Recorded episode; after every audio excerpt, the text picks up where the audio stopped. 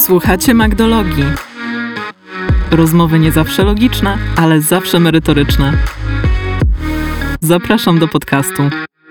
Pozwolę sobie skorzystać z tego, że moderuję ten pokój i zadam takie pytanie. Jeżeli ktoś nie robił tego wcześniej, no bo Rahim, ty, Kuba, Rafał, jesteście osobami, które siedzą albo w kryptowalutach, albo w tokenach, albo w tokenach NFT. Macie biznesy, które są z tym związane. Jeżeli ktoś by teraz tak sobie myśli, ok, no tutaj jest jakaś szansa na to, żeby zrobić na tym jakiś biznes, czy, czy tutaj gdzieś jest jakaś szansa do tego, żeby stworzyć właśnie takie tokeny, to co byście takim osobom doradzili? Czy to jest coś, co jest dostępne dla przeciętnego Kowalskiego przysłowiowego, czy to jest raczej gra dla e, korporacji, dla inwestorów, dużych firm, właścicieli dużych firm? Jak, jak to widzicie? Ja myślę, że to jest w zasadzie dla każdego. Powiedzmy tutaj o tokenach, e, nie, no, nie o NFT, ale o tokenach utility. Czyli to, co Rafi wspomniał wcześniej, na przykład mamy obraz bitwy pod Grunwaldem, dzielimy go na 10 E, milionów części, czy tam na, na, na milion części po 10 zł jest wart tyle i tyle. To jest tak naprawdę pewna wartość dla zwykłego Kowalskiego, który może wejść gdzieś tam, nie wiem, albo kupić dany token na giełdzie, albo kupić dany token na stronie danej spółki, jeżeli ta spółka robi ICO, czyli Initial Coin Offering, czyli sprzedaje swoje tokeny wyprodukowane przez jakąś swoją sieć dystrybucyjną, może sobie wejść i taki token mieć. I tak jak Rakim słusznie powiedział, obraz taki za chwilę będzie warty 20% więcej, 30% więcej i tak dalej, tak dalej. I jakby ten jego udział będzie rósł o tyle, o ile rośnie dana, dana wartość czegoś, która jest pod tym tokenem, prawda? Teraz tak, tokeny NFT może zrobić, każdy, bo jeżeli mamy jakieś dzieło sztuki w domu i chcemy sobie je, e, nie wiem, przerzucić jako token NFT, to nie jest żaden problem. To kosztuje bodajże teraz chyba około 300 zł. Mogę się mylić, przepraszam. Nie jest to co prawda y, tak automatyczne jak y, założenie konta w banku e, i, i tak proste, aczkolwiek no już wszyscy pracują nad tym, żeby jednak to e, stało się bardzo intuicyjne i dużo prostsze i żeby każdy faktycznie mógł to zrobić. W zasadzie nie wiem, czy tam w ogóle są jakieś opłaty, bo na tym OpenSea każdy może założyć e, tak naprawdę z tego, co widziałam, token i może to zrobić z tym lazy minting, czyli tworzeniem tokenów, za które płacisz dopiero w momencie, kiedy je sprzedajesz, to może to zrobić za darmo bez tych opłat gaz.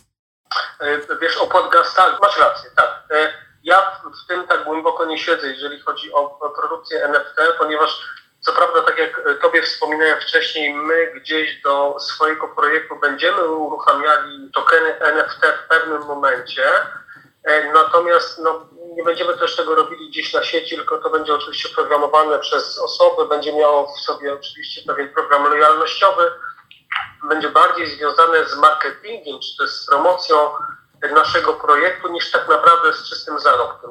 Ale to, to też tak jak mówił Rahim, e, również duże spółki, pamiętajmy, wchodzą w tego typu rzeczy, no bo są bardzo duże banki, bardzo duże spółki, które kupują e, aktywa cyfrowe, czyli powiedzmy giełdy, e, przejęcie przez dużego gracza giełdy Polionek, jednej z pierwszych giełd w ogóle na świecie, jaka, jaka była, czyli jak gdyby szykowanie się strategiczne w tą stronę, że jesteśmy już w takim punkcie świata krypto, świata blockchainowego, że w zasadzie w tym momencie już nie ma od tego odwrotu i za chwilę zobaczymy dużo, dużo większych graczy, którzy tak naprawdę ładują w to pieniądze. Ale miejsce jest dla wszystkich bez zdania. Na początku y, zdefiniowaliście NFT jako token opisujący przede wszystkim własność czegoś, co jest cyfrowe, tak? Czyli tam był podany przykład, nie wiem, miecza w grze, czy innej własności cyfrowej, nie, nie mającej takiej materialnej formy. Później przed Rahim i opowiedział troszkę o, o innym podejściu, że na przykład tokenizuje w ten sposób zabytkowe samochody, czy inne rzeczy. Tu mam taki pewien dysonans. Ale to w jednym i w drugim przypadku są to tokeny NFT. Przecież w jednym i w drugim przypadku jest to jeden unikatowy NFT, tylko ten jeden oznacza e, zapis do dóbr cyfrowych, a ten drugi oznacza zapis do dóbr, e, które istnieją w świecie no, rzeczywistym. Więc w jednym i drugim wypadku mamy, nieko, mamy niepowtarzalny jeden, jedyny rodzaj. Mój token, który jest...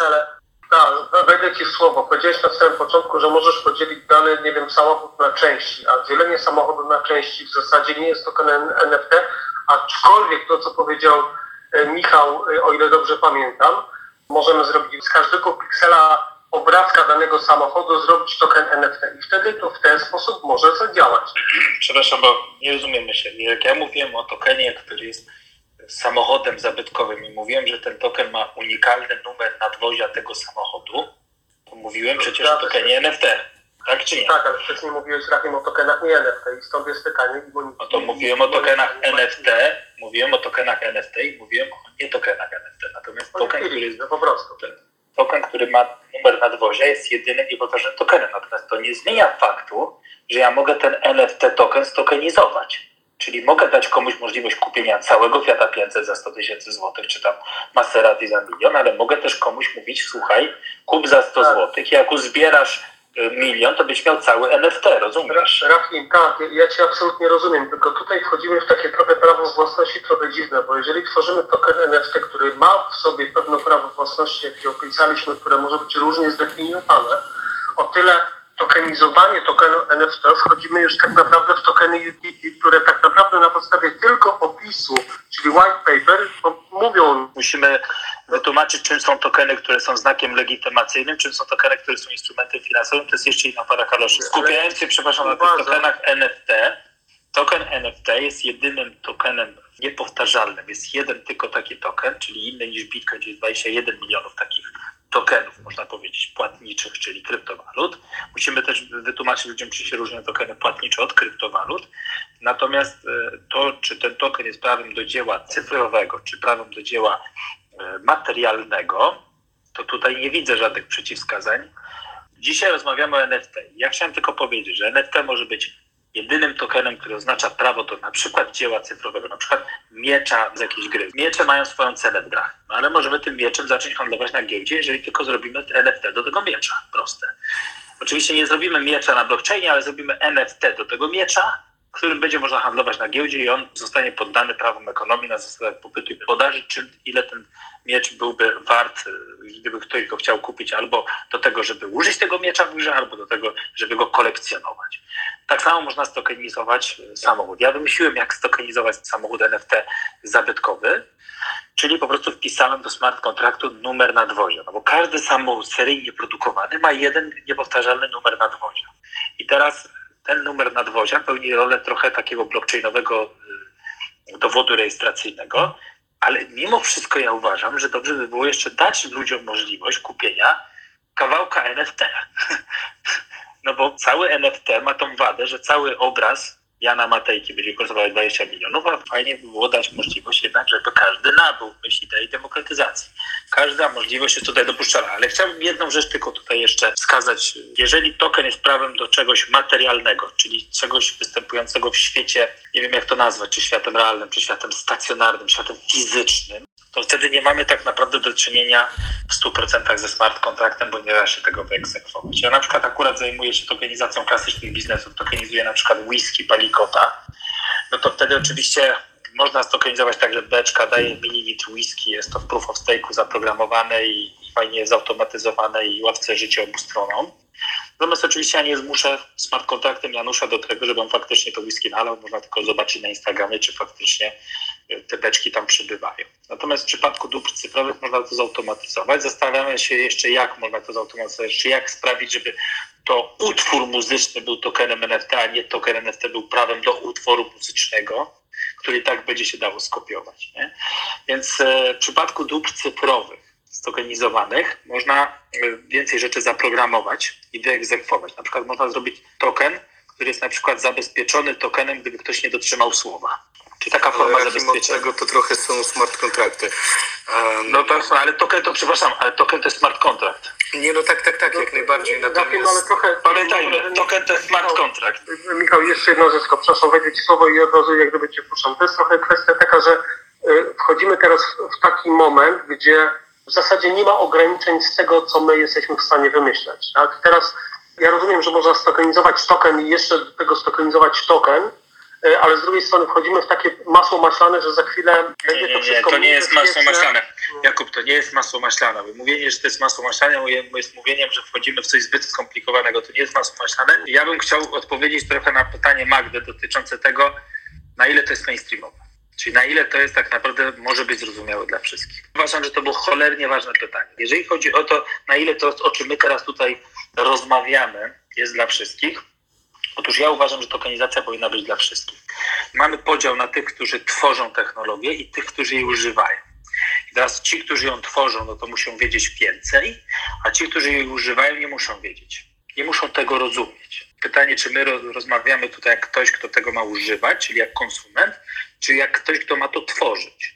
No bo y, jak teraz rozmawiamy przez Clubhouse'a i to, to jakby ta rozmowa nasza, że każdy jest w innym miejscu i rozmawiamy ze sobą. Ja pamiętam jako dziecko, czekałem w kolejce przez 6 godzin, żebym mógł zadzwonić z Polski do Macedonii. Nie? Była budka telefoniczna, czekało się na swoją kolejkę.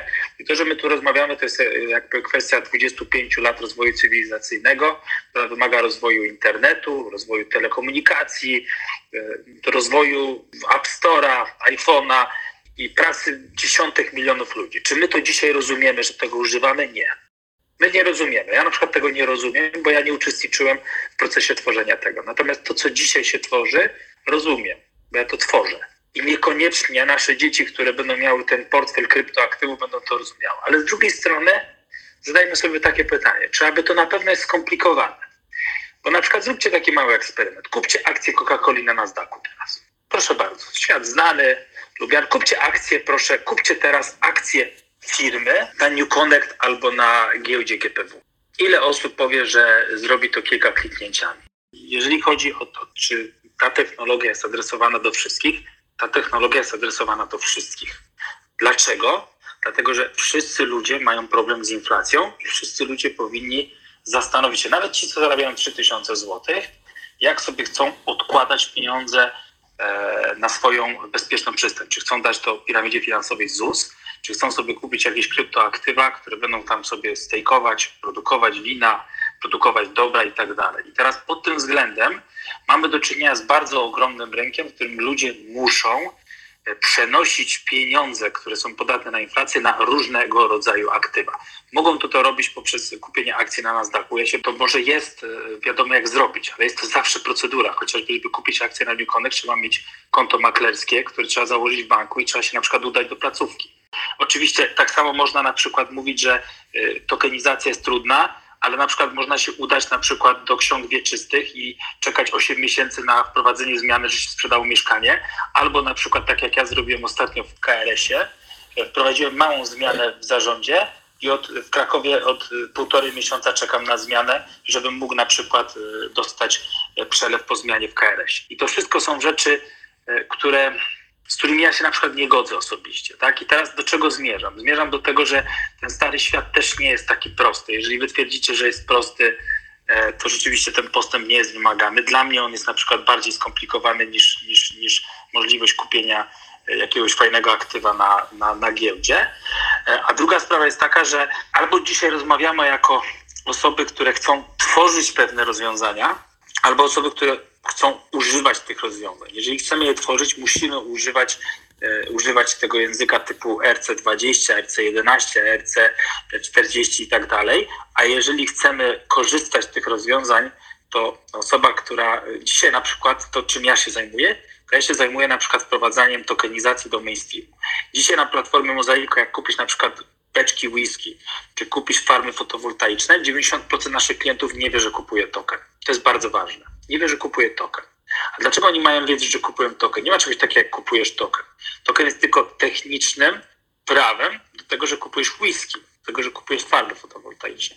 Ale właśnie o to chodzi, żeby oni właśnie nie musieli tego rozumieć, tylko zaczęli tego używać. Więc pytanie właśnie o to, jeżeli ten język w pewnych momentach wydaje się zbyt techniczny, a w pewnych momentach wydaje się z kolei być może zbyt laicki, to określmy, czy rozmawiamy dzisiaj o mainstreamie tokenizacji, czy rozmawiamy o tym, jak tworzyć rozwiązania, które zmieniają świat. Tak naprawdę mi zależało na tym, żeby w ogóle przybliżyć temat tokenów NFT, także dla osób, które być może chciałyby się zastanowić nad tym, czy nie warto czegoś takiego założyć.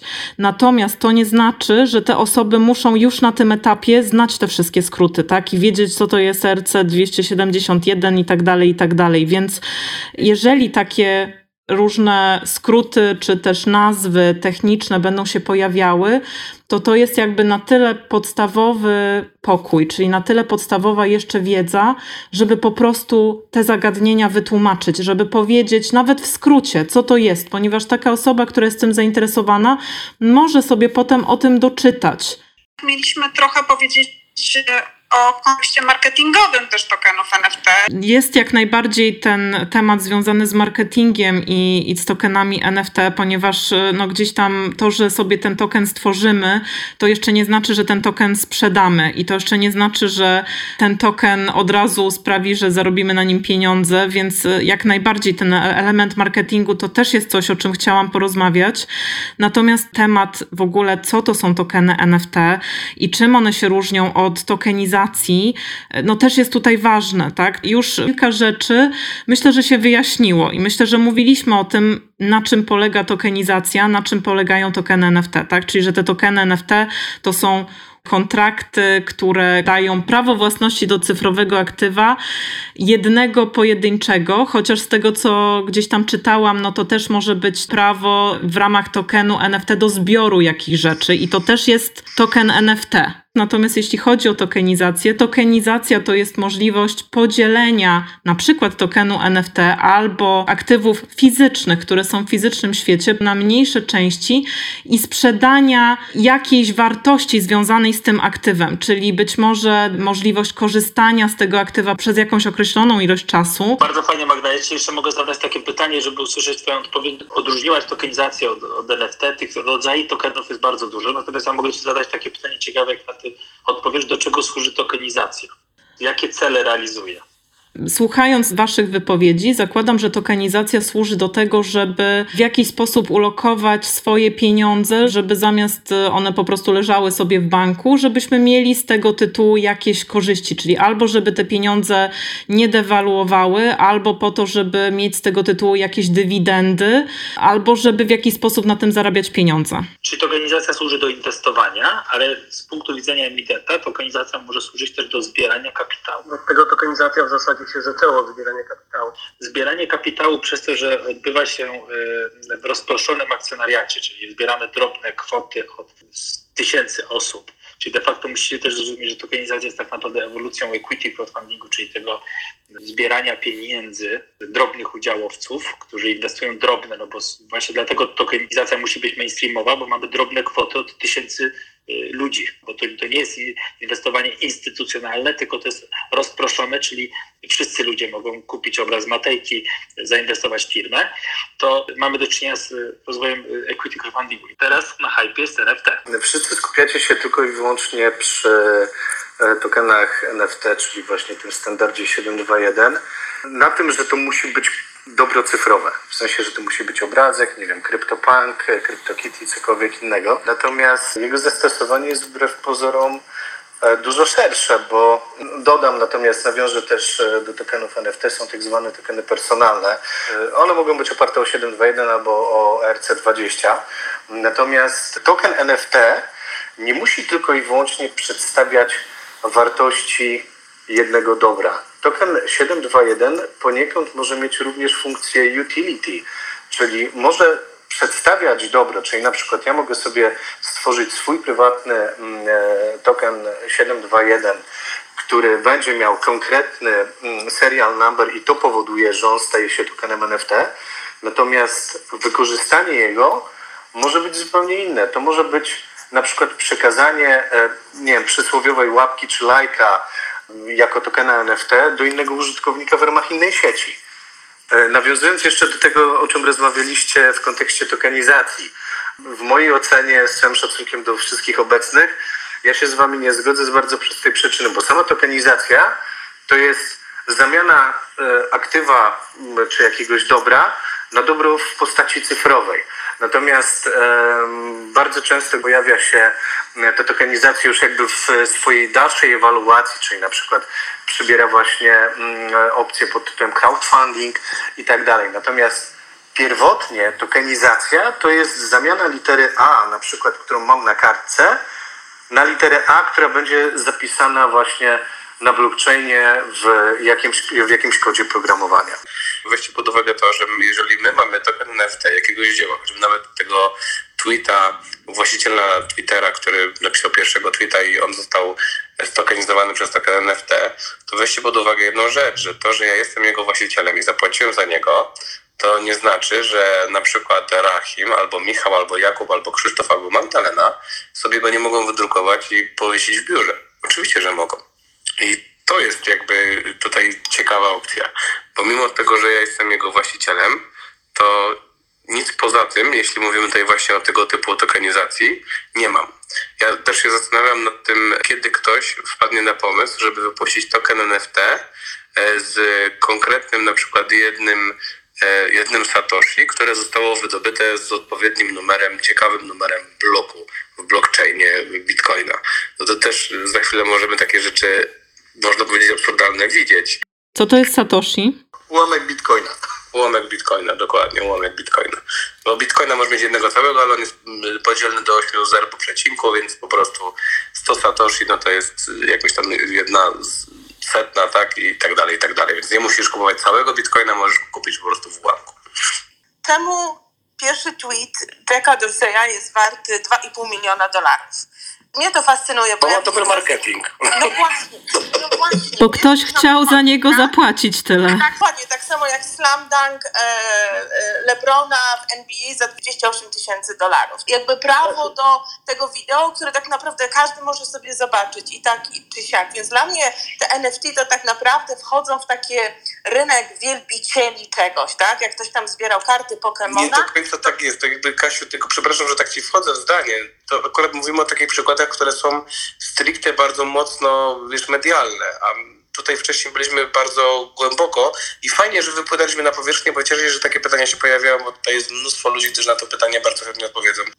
Ja jestem absolwentem Akademii Sztuk Pięknych Wydziału Malarstwa, tak? I już Albert Dürer powiedział, że dzieło nie musi być duże, żeby było dużo warte. Czyli on powiedział, że można zrobić coś małego i może być równie genialne. Potem e, pojawił się Andy Warhol, który też złamał pewien, pewien status quo. Potem pojawili się coraz to bardziej kontrowersyjni artyści. I teraz Dlaczego na przykład w antykwariacie płacimy za jakieś przedmioty dużo pieniędzy, bo one mają tą wartość nie tylko materialną. Nie wiem, grzebień Lecha Wałęsy. No. Jest wartość sentymentalna, jest wartość kolekcjonerska, jest wartość historyczna. Przecież obraz Leonarda da Vinci Mona Lisa, no to to nie jest wartość tylko farby i płótna, tylko wartość geniusza. Ale ten geniusz akurat wtedy używał farb olejnych na płótnie, bo nie było wtedy Twittera. No i teraz jest taki Jack Dorsey, który wrzucił pierwszego tweeta, który w ogóle przerobił SMS-a w e, tweeta. Wymyślił, że w sumie może wysłać SMS-a e, nie do znajomego, tylko do wszystkich, czyli stąd ograniczona ilość znaków w tweetie. Teraz e, jest taka sytuacja, że to są te czasy, w których no, nie tworzy się na płótnie, tylko robi się tweeta. Czasy cyfrowe. To nie znaczy, że jak są czasy cyfrowe, a nie materialne, one są mniej twórcze, czy mniej intelektualne, czy mniej przełomowe. I teraz dlaczego by tak nie wycenić tej wartości pierwszego tweeta, prawda? Ja uważam w ogóle, że to kiedyś będzie wisiało w Louvre. Dlaczego, jeżeli Louvre e, eksponował dzieła Leonardo da Vinci, dlaczego Louvre za tysiąc lat miałby nie mieć na przykład pierwszego tweeta Jacka Dorseya i dlaczego to nie miałoby mieć wartości? Wiesz, to wszystko może mieć wartość, to jest, bo to jest tak naprawdę umowa. Również no właśnie, no właśnie. E, piękno Monalizy to jest rzecz umowna, tak? To się no właśnie. Oczywiście, że... Ale dlaczego Mona, Lisa, dlaczego Mona Lisa może być przełomem, a dlaczego pierwszy tweet Jacka Dorseya może Dokładnie, nie tak? nie być? No właśnie, to jest odpowiedź na twoje pytanie. Tak? Tylko na to czekać. Kiedy teraz nasi piłkarze zaczną inaczej negocjować kontrakty związane z prawami tak, do własnych e, występów i, i, i, i tego, co tam wykonują. Na to będzie trudniej stokalizować, bo widzisz, o ile mamy przedmiot, to tyle na przykład strzał Roberta Lewandowskiego jest zjawiskiem, które zachodzi powiedzmy w przyrodzie, w jakimś zdarzeniu, to tyle jeszcze ten tweet Jacka Dorseya, on jest czymś namacalnym tak naprawdę, bo on jest czymś cyfrowym, co można zamknąć w jakiś rodzaj cyfrowego artefaktu. Teraz pytanie, czy tokenizacja te, tego strzału Roberta Lewandowskiego byłaby tokenizacją jakoś nagrania tego strzału? Tak, czy... tak. NBA ma taką swoją sportową stronę, tak? Gdzie oni tam mają krótkie wideo. To są momenty A, wideo. krótkie wideo, okej, mhm. okej, okay. szacun. To jest jedna wielka potężna machina marketingowa. Fajne jest to, że w tych Stanach kurczę potrafią robić takie rzeczy innowacyjne jak NFT, nie?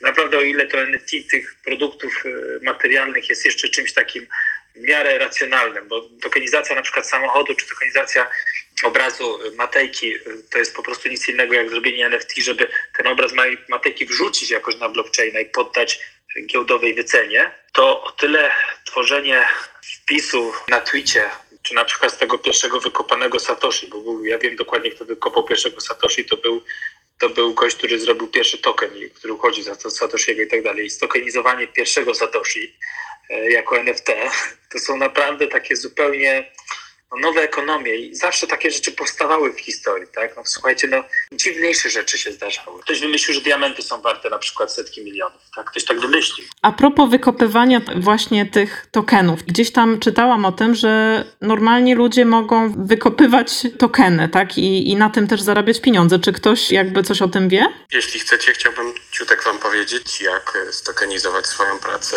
No może nie tyle zacząć zarabiać, bo to nie jest wcale pewne, chociaż kto wie, ale przynajmniej zacząć budować wokół siebie jakiś follower base i, i doprowadzać do tego, żeby choć trochę móc zarabiać. Y, artyści, artyści cyfrowi są taką pierwszą grupą ludzi spoza krypto, którzy chcą z krypto skorzystać i dla nich ten cały blockchain daje rzeczywiście usługę i jakąś możliwość zwiększenia ich potencjału, dodatkowe pole do swojej pracy.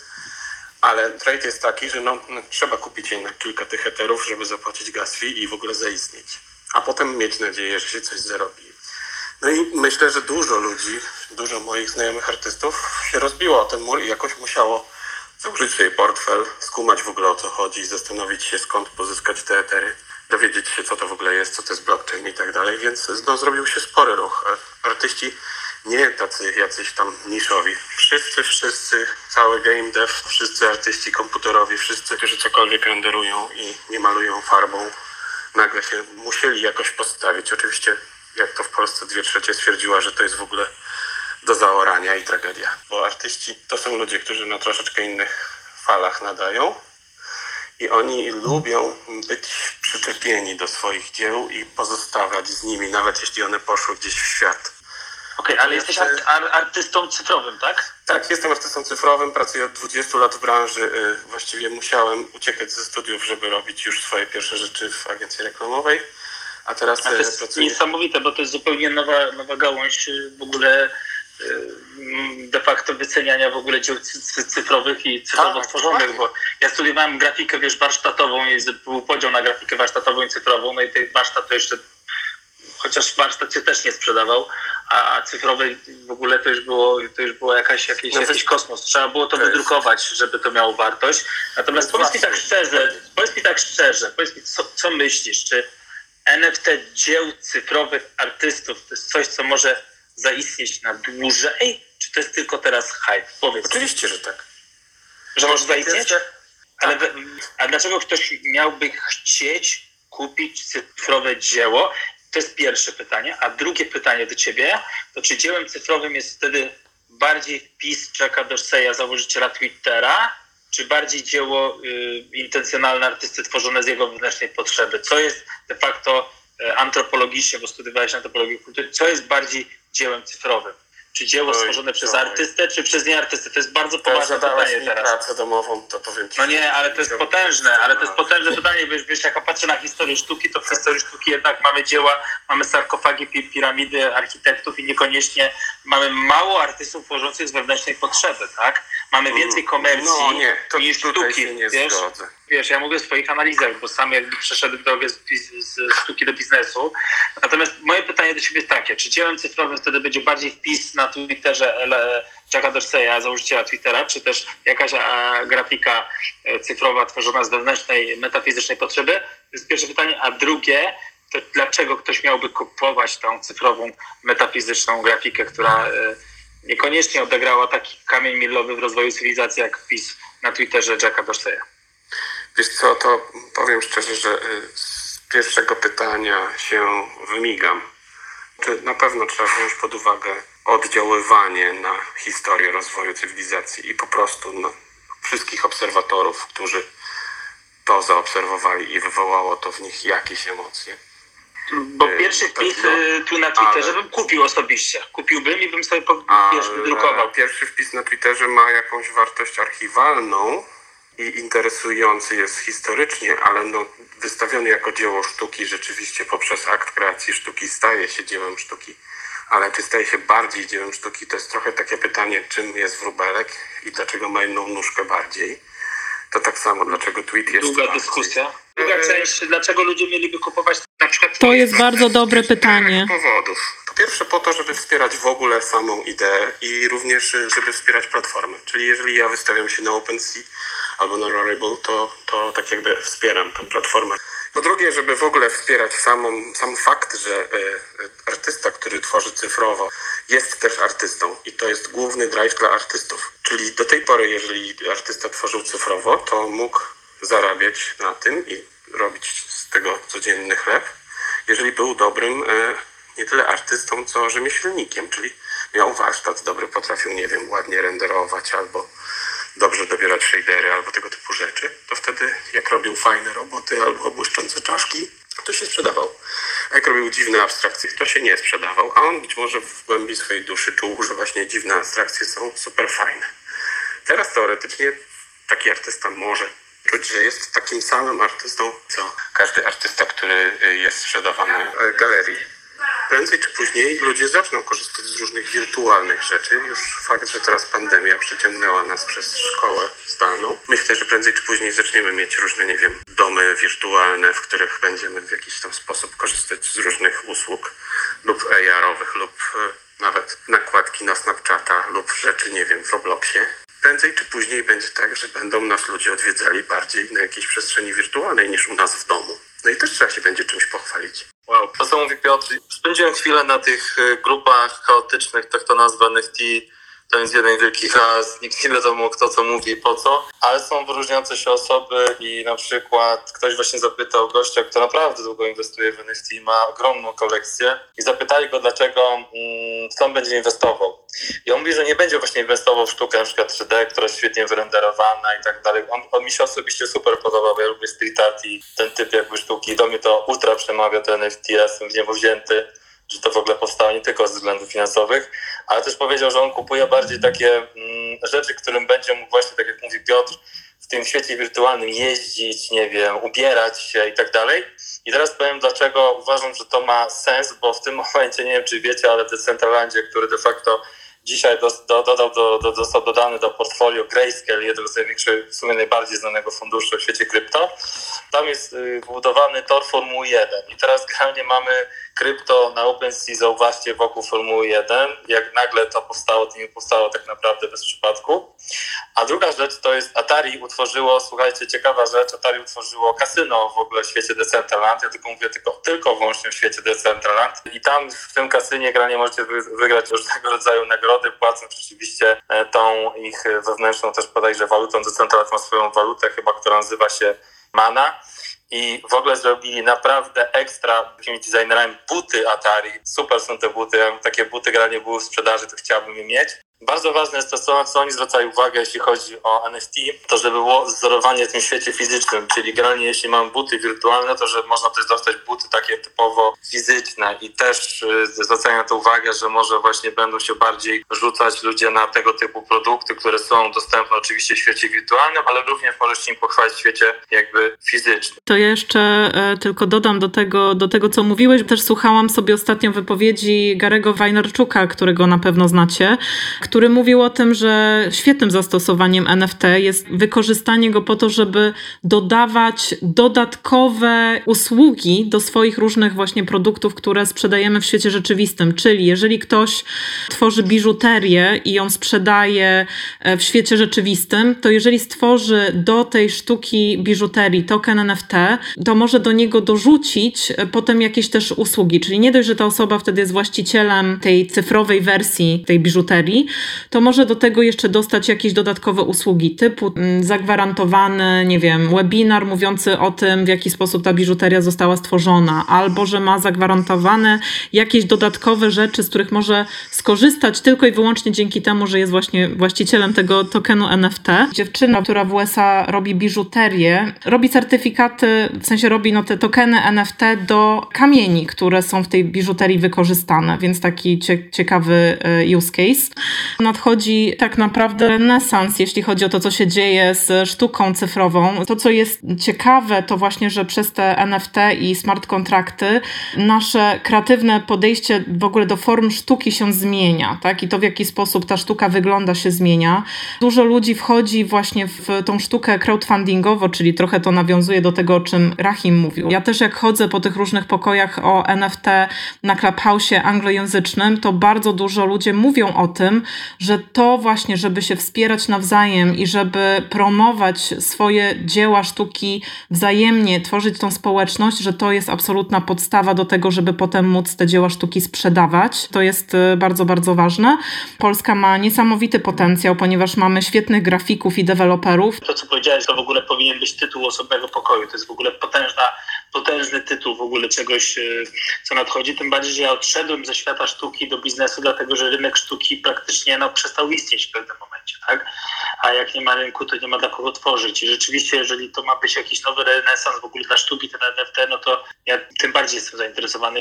Są różne dodatkowe, nowe zastosowania e, tokenów NFT w kontekście tworzenia na przykład wirtualnych galerii, czy też w ogóle posiadania własności. Są wirtualne wystawy, w których osoby, które kupują sztukę cyfrową, mogą sobie tą sztukę wystawiać i pokazywać. Właśnie osoba z Włoch, która mieszka w Polsce, dostała milion złotych na zbudowanie bardzo, bardzo dużej galerii sztuki wokół NFT. I to jest osoba, która naprawdę już zarobiła sporo pieniędzy na NFT i inwestowała dość na wczesnym etapie. Taka ciekawostka. A jeszcze chciałem dodać Magda jedną rzecz, bo to jest mnóstwo pytań o te gaski i ja będąc na tych grupach zagranicznych usłyszałem o czymś takim, czego nie lubiłem, ale mam zamiar wrzucić parę generalnie jakby NFT na OpenSea.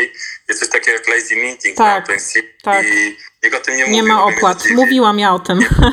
Okej, okay, dobra, dobra. I generalnie jakby to jest jedna rzecz. A druga rzecz, to jest ostatnio śledziłem sobie, robiłem research e, w internecie i są jakieś początkowe projekty oparte o Polkadot, właśnie odnośnie NFT.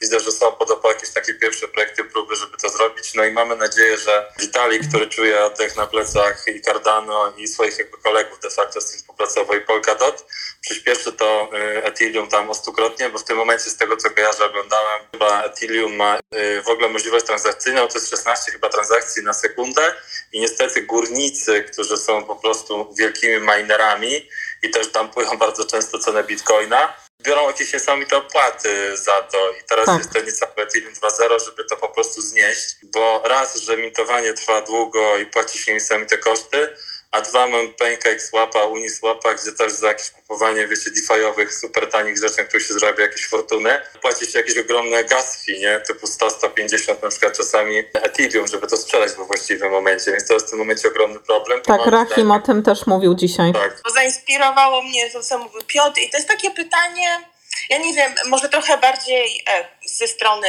tej legal, legalizacji tego wszystkiego, bo rozumiem tworzenie NFT do produktu czy do czegoś, co ja tworzę jako artysta, czy muzyk, czy, czy nawet jako sportowiec. Ale powiedzmy, czy ja już pomijając technologiczne rzeczy, jak to zrobić, ale czy mogłabym sobie jutro wygenerować NFT na czcionkę e, Times New Roman i być osobą na świecie, która, pierwszą osobą, która ma jakby digitalne prawa do tej czcionki? Pamiętajcie, że prawa autorskie są niezbywalne nawet przy zbyciu praw majątkowych, więc właściciele praw autorskich solidarnościowo zarabiają na każdej transferze nawet czegoś, co do nich nie należy.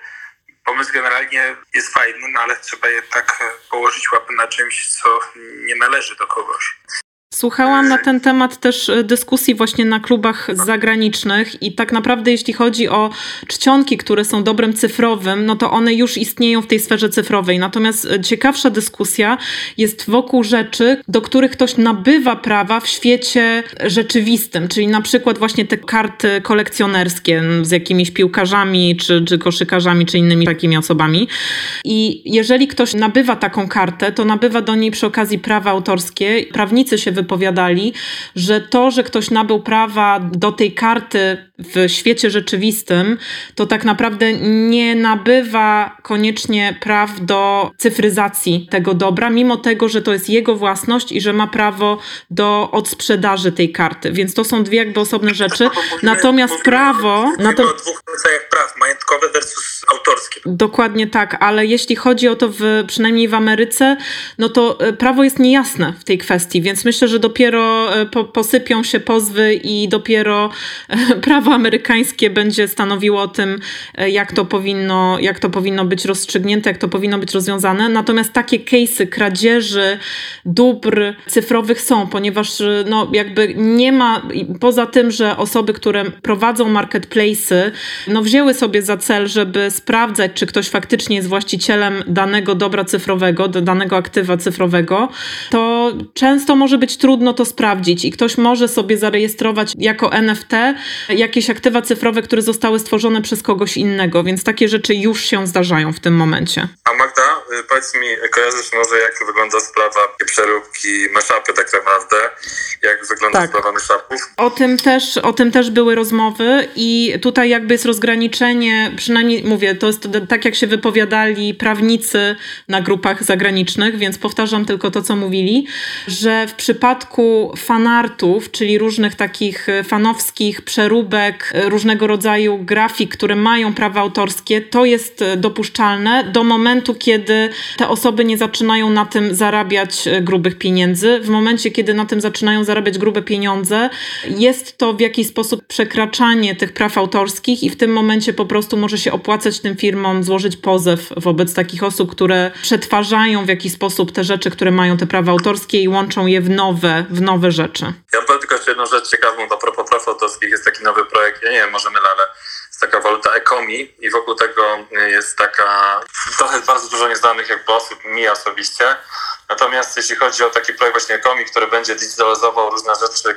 odnośnie właśnie Pokémonów, DC, e, nie wiem czy Marvela akurat będą robić, ale wiem, że artyści DC już granie rysują postacie 3D i to też jest taki w ogóle projekt bardzo ciekawy. I za tym stoi osoba, która de facto licencjonowała właśnie karty Pokémonów i tak dalej, miała, ma, ma jakby kontakty i ciekawi mnie jak ten projekt już wejdzie w tej swojej tak jakby formie na rynek to co wtedy granie, bo oni jak będą mieć te prawa do, do tych jakby wiesz, wiecie, Pokémonów, czytamy w innych japońskich anime, które były swojego czasu popularne i co wtedy, jeśli na przykład wejdzie taki marketplace, oni będą mieć te, będą mieć te prawa do licencji, to czy wtedy właśnie nie zacznie się ten tak zwany tam, e, tutaj się te pozwy nie, nie zaczną sypać.